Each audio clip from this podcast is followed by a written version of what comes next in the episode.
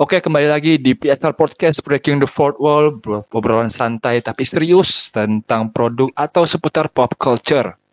Biasa di sini ada gue Lukman dan di sini ada kehadiran bos besar PSR. Waduh, gila, diangkat banget. Jangan kayak gitu men. Kalau hasilnya nggak ada juga malu dianggap bos besar dan nggak punya Nah. bos. Iya.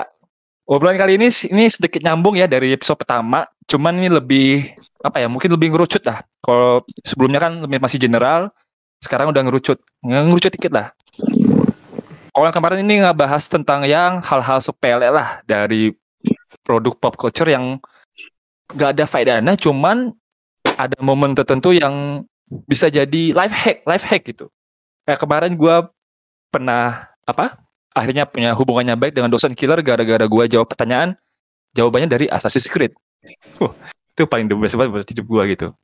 Nah, untuk kali ini eh, lebih ngobrolin dari persepsi konsumennya.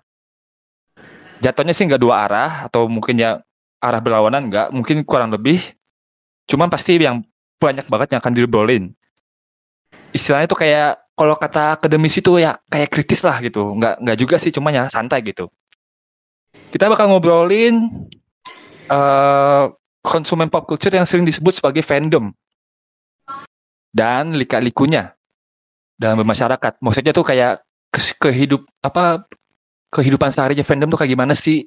Kadang masih ada stereotip-stereotip yang ya sampah nggak jelas dan lain-lainnya gitu. Ini kayak Siapa tuh yang ngomong? Yang ngomong siapa? Suruh jangan banyak bacot tuh. Masih intro ini kalau misalnya banyak tiga orang mah solo ini mah. Ini cuma ya dibilang- dibilangin cupu? Gue kasih tahu lu lebih cupu gitu. gue. Ya, makanya sini kita akan bahas gitu. Hmm, bener gak sih gitu. Nah ini anyway, kan fandom ini kan membantu banget lah sebuah produk pop culture itu entah itu film atau game gitu. Tanda kutip tuh menguntungkan dua pihak. Kayak yang satu produknya itu stongs itu naik. Yang satu lagi kalau buat jadi konsumen lu punya prestis yang beda